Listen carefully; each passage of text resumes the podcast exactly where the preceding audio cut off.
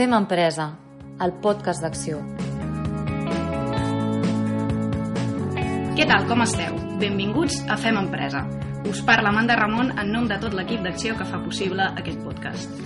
Avui ens centrarem en un tema recurrent quan parlem de noves tecnologies i nous models de negoci, la indústria 4.0. Sentim molt a parlar de robots, d'intel·ligència artificial, d'impressió 3D, de Big Data, però què volen dir tots aquests conceptes? La indústria 4.0 s'associa a la digitalització de la indústria, és el que anomenem quarta revolució industrial. Està transformant els processos productius i crea nous models de negoci. Però què és exactament la indústria 4.0? Com pot afectar el dia a dia dels negocis, de les nostres pimes? Per entendre millor tots aquests conceptes i els beneficis que ofereix aquesta nova transformació, avui ens acompanyen tres experts en la matèria. Carles Miranda, coordinador del programa d'Indústria 4.0 d'Acció. Com estàs, Carles? Molt bé, gràcies. Toni Graupera, gerent de Thai Smart Factory, una empresa especialitzada precisament en serveis vinculats a la indústria 4.0. Moltes gràcies, Antoni. Encantat. I Magalí Ferrusola, responsable de millora contínua a l'empresa Mondelez, que ja confia en la digitalització dels seus processos. Com anem, Magalí? Bé, gràcies. Perfecte. Hola. Doncs, si us sembla, comencem pel principi. Carles, què pot fer una empresa que vol començar a incorporar solucions 4.0 però no sap per on començar? Bé, abans de res, eh, m'agradaria fer una ràpida introducció del que és Indústria 4.0. Al final, bàsicament, Indústria 4.0 combina l'ús de noves tecnologies digitals, eh, és a dir, vincula el món físic amb el món digital de l'empresa, amb aquella tendència del mercat de eh, reduir els de fabricació quasi, quasi a la unitat. Això vol dir més flexibilitat, més productivitat. Bé, què pot fer una empresa? Doncs, bàsicament, eh, l'empresa ha d'abordar aquest canvi de manera sine qua non perquè no té una altra opció. I el que ha de, hauria de replantejar des del punt de eh, vista d'acció és eh, repensar el model actual de negoci que té, veure cap on vol anar a dos anys vista, o sigui, quin és el model de negoci futur, i veure com aquest tipus de tecnologies es poden ajudar a millorar doncs, la seva competitivitat i la seva productivitat i eficiència.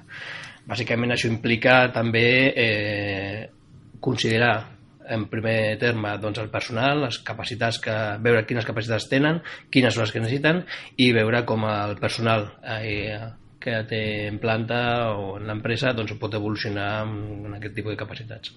Perfecte, i de fet, bueno, les dues empreses que avui ens acompanyen eh, ho teniu clar, ja heu passat per aquest procés que comentava el Carles. Eh, Toni, a Thai Smart Factory sou experts en solucions d'automatització, control de plantes de producció. A què us dediqueu exactament? Bé, com ha dit el Carles, eh, nosaltres eh, ajudem a les empreses eh, a fer aquest pas cap a la indústria 4.0. No?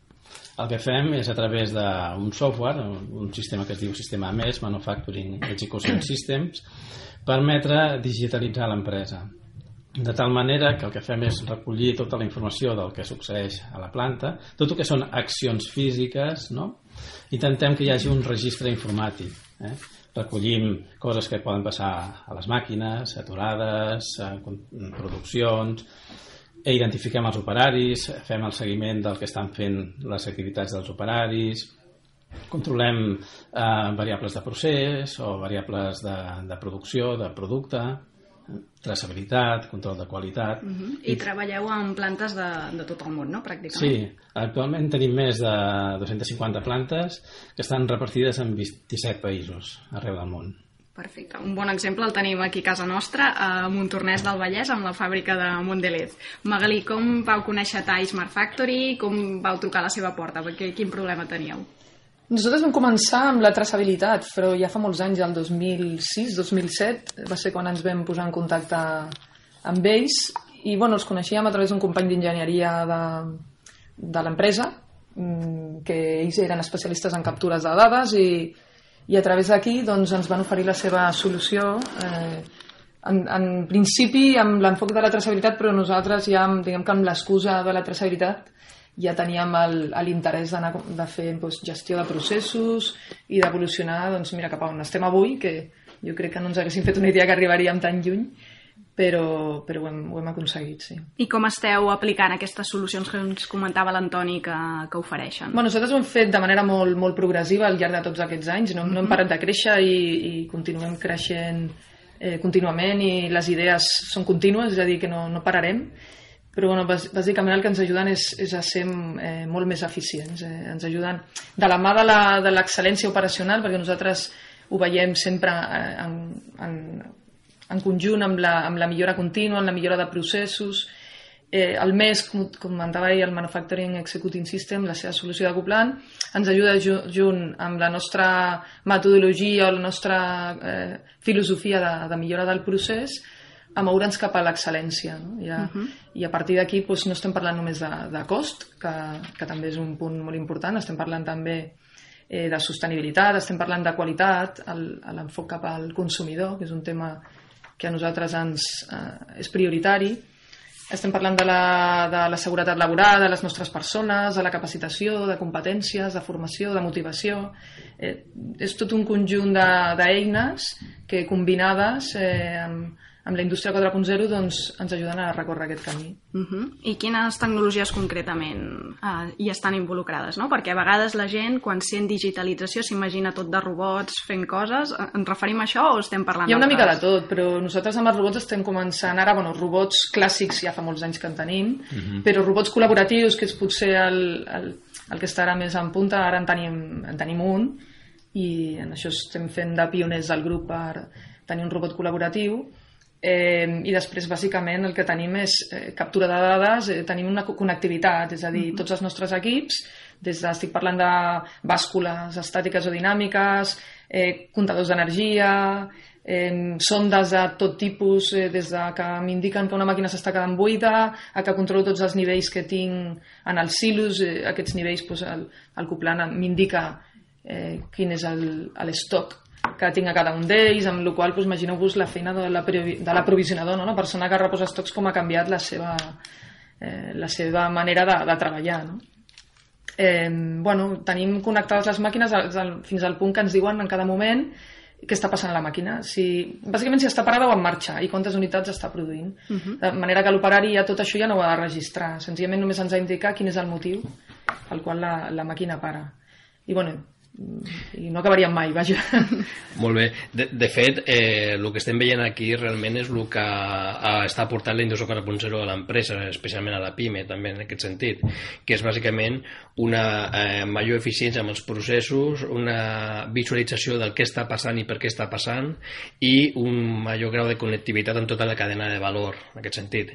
I ja has comentat una cosa molt interessant, que és el tema d'ajudar a alliberar hores de gestió i burocràcia als treballadors de l'empresa perquè d'alguna manera una de les coses que segons estudis s'han publicat és eh, que la indústria 4.0 segurament automatitzarà certes tasques i activitats de poc valor afegit, molt manual, repetitives, eh, i ajudarà l'operari i el treballador a capacitar-se a través de la formació amb eh, activitats de major valor, valor afegit i, per tant, més qualificats.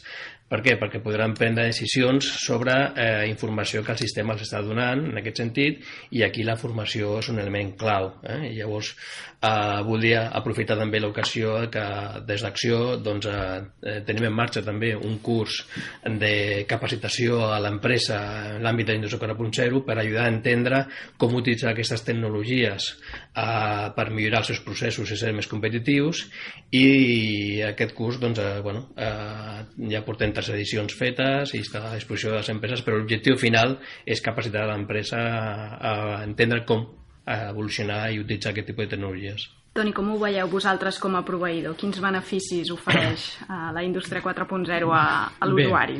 Eh, la quantitat de beneficis és múltiple, no? Hi ha un factor que és important de cara a obtenir els beneficis és el canvi cultural dins de l'empresa, no? Per mi és un factor molt important perquè si posem una tecnologia i l'empresa no ha fet aquest canvi cultural, aquesta tecnologia no s'utilitzarà eficientment. No? D'aquesta manera és molt important començar pel principi, canviar culturalment l'empresa i després a eh, recuperar aquests beneficis a través de la inversió en projectes d'indústria 4.0. Tots els elements d'indústria 4.0 aporten benefici.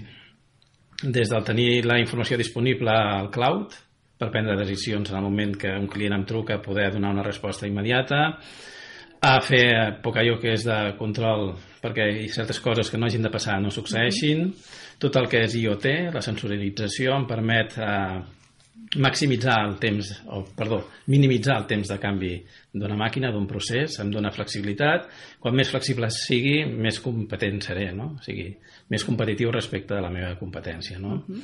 O sigui, totes les eines, els robots col·laboratius, el que és el tema de realitat augmentada, o inclús el Big Data, que ja ha comentat algú el Carles, el Big Data em porta més que un model eh, predictiu a un model prescriptiu, no? És el sistema que m'indica com haig de canviar les variables de procés per arribar a un únic objectiu. Uh -huh. I mencionau, entre tots aquests beneficis, eh, una mica també la part més vinculada a la sostenibilitat, no? Carles, parlem que la indústria 4.0 podem dir que té un vincle amb l'economia circular? Sí, clarament, sens dubte. Eh, jo crec que en lloc de parlar d'indústria 4.0 eh, com a tal, jo parlaria de la indústria del futur. La indústria del futur, l'empresa del futur, és una empresa que és digital, és sostenible i, a més a més, vetja també per... Eh, és socialment responsable eh, per la qualitat de les persones, el benestar i tal, amb el qual eh, les tecnologies eh, que estan al voltant del concepte d'indústria 4.0 sens dubte ajuda a ser l'empresa més eficient, a treballar millor i d'una manera molt, molt més eficient en aquest sentit. Per tant, clarament està lligat al concepte d'economia circular. Hem de produir més, millor i amb menys recursos. Perfecte. Magali, ja ens explicaves una mica la vostra experiència a Montornès. Uh, podríem dir que aquest cas és un exemple per la resta, la resta de plantes que té Mondelez arreu del món? Eh, sí, nosaltres, de fet, som un referent per, per la multinacional en Indústria 4.0 Eh, altres plantes, com és una multinacional molt gran, tenen altres solucions, no, no tenen la mateixa solució de, de tall, però en, en nivell estem molt avançats i sobretot tenim tot molt integrat, que és el, un dels eh, valors afegits que, que tenim, que ho tenim tot integrat en, en un mateix sistema i la veritat és que un nivell molt, molt alt. Per això sempre acostumem a ser una planta referent, on es fan proves pilot, eh, com el cas del robot col·laboratiu, eh, o altres eh, iniciatives que hi han dins de, de la multinacional. I també som un referent per a altres empreses fora de la multinacional. Eh? Ens porten moltes visites, tenim molts contactes, eh, que, que s'interessen eh, per la nostra solució, per la nostra manera de fer, tant una mica per la solució de, de TAI com per la nostra, el nostre enfoc no? d'excel·lència, de, de no? de, de procés, però bueno, estem en un camí que queda molt per recórrer encara. Eh? Sí, de fet, vosaltres clarament eh, sou experts en la matèria, però ja ho dèiem, no? que, que encara és una qüestió que, sobretot aquí a Catalunya, encara moltes empreses no, no estan treballant. Quins reptes pot plantejar eh, per les empreses catalanes la indústria 4.0? Bé, en general jo, jo diria eh, que la indústria 4.0 implica també una inversió econòmica per de l'empresa, però no només això. Eh, es tracta també de que l'empresa ha d'aprendre a utilitzar aquest tipus de tecnologies des de l'estratègia. Llavors has comentat un tema molt interessant que és el tema dels pilots. Eh, L'única manera, al nostre criteri, eh, utilitzar aquest tipus de tecnologies és a partir de projectes petits, pilots, que ajudin a entendre com utilitzar-les i a partir d'aquí escalar-los. Llavors, eh, aquest és un dels reptes que té l'empresa, és eh, com abordar aquest tipus de projectes des de l'estratègia, mai perdre de vista l'estratègia, i sobretot també considerant el personal, les capacitats del personal que necessita per abordar aquest canvi i transformació digital en aquest sentit.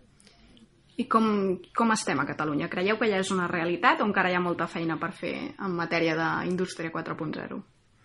Bueno, jo, jo diria que en Catalunya realment eh, hi ha un potencial considerable de cara al desplegament de l'indústria 4.0. Per què? Perquè tenim un ecosistema de proveïdors molt potent eh, que podem dir que estem orgullosos eh, de les capacitats que tenim aquí a Catalunya. Hem identificat més de 365 proveïdors, eh, ja siguin enginyeries, integradors o eh, centres de recerca, grups d'investigació al voltant de l'indústria en aquest àmbit I eh, per part de l'empresa també és veritat que eh, una de, sis, de cada sis empreses ja han començat a fer alguna cosa en temes d'indústria 4.0 en diversos àmbits també de maduresa i grau d'implementació, però hi ha un 31% d'aquestes empreses que eh, tot i que en el seu pla estratègic no tenen contemplat a curt termini fer això, ja ho estan considerant i per tant aquí des de l'administració i de l'ecosistema de proveïdors com en el cas de TAI eh, podem ajudar molt a aquestes empreses per avançar en aquest sentit. En aquest sentit jo voldria remarcar una mica el paper d'acció com a proveïdor, no? perquè Acció ens apropa a la tecnologia en els proveïdors mateixos. No? Si jo vull fer un projecte de realitat augmentada i no en sé prou, Acció em proporciona un proveïdor que sàpiga realitat augmentada. Jo mateix en temes de Big Data o en temes de cloud. Perfecte, i parlant de reptes, heu mencionat tots tres una mica com canviaria l'ecosistema de, dels treballadors, no? aquests llocs de treball que s'anirien transformant a través d'aquestes noves tecnologies. I, de fet, és un tema que sovint sentim i, i hi ha moltes pors vinculades a, a la possible pèrdua de llocs de treball. Com ho veieu? Creieu que la indústria 4.0 pot posar en perill aquests llocs de treball o, al revés, és una oportunitat per crear-ne de nous i canviar-los?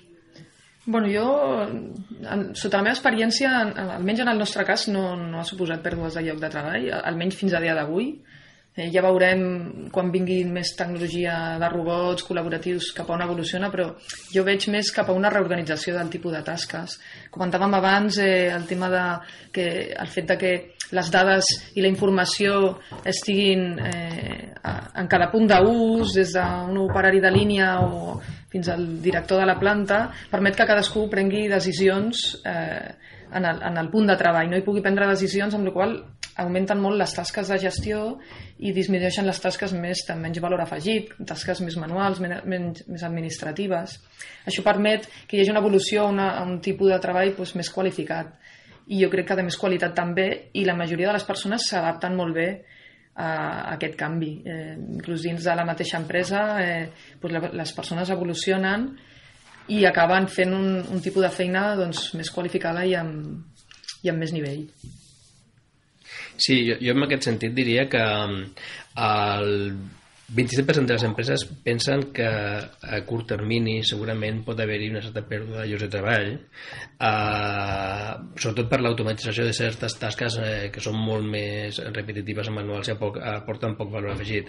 Però és cert que a mitjà, a mitjà termini sí que es compensarà amb la creació de nova ocupació eh, que en molts casos vindran de persones que ja estan dins d'aquestes empreses i a través de la formació evolucionen a nivell de capacitats i això és un fet, ho estem veient en moltes empreses i per tant també eh, des d'acció posem mecanismes a suport de l'empresa, especialment també de la PIME, perquè ajudar-los en aquest camí cap a la transformació de les capacitats de les persones. És que re realment un dels problemes que, que existeix eh, actualment és que moltes vegades a l'empresa falten recursos per, per dedicar-se a la millora, no? I, I moltes vegades el que es fa és apagar focs i dedicar-se a l'urgent. Això és una gran oportunitat precisament perquè reduint tasques eh, de, de, de menys valor ens podem dedicar a fer tasques de més valor, com és la millora, com és cada vegada eh, tractar de, de ser més eficients, més, eh, fer les coses eh, amb millor qualitat, amb més seguretat.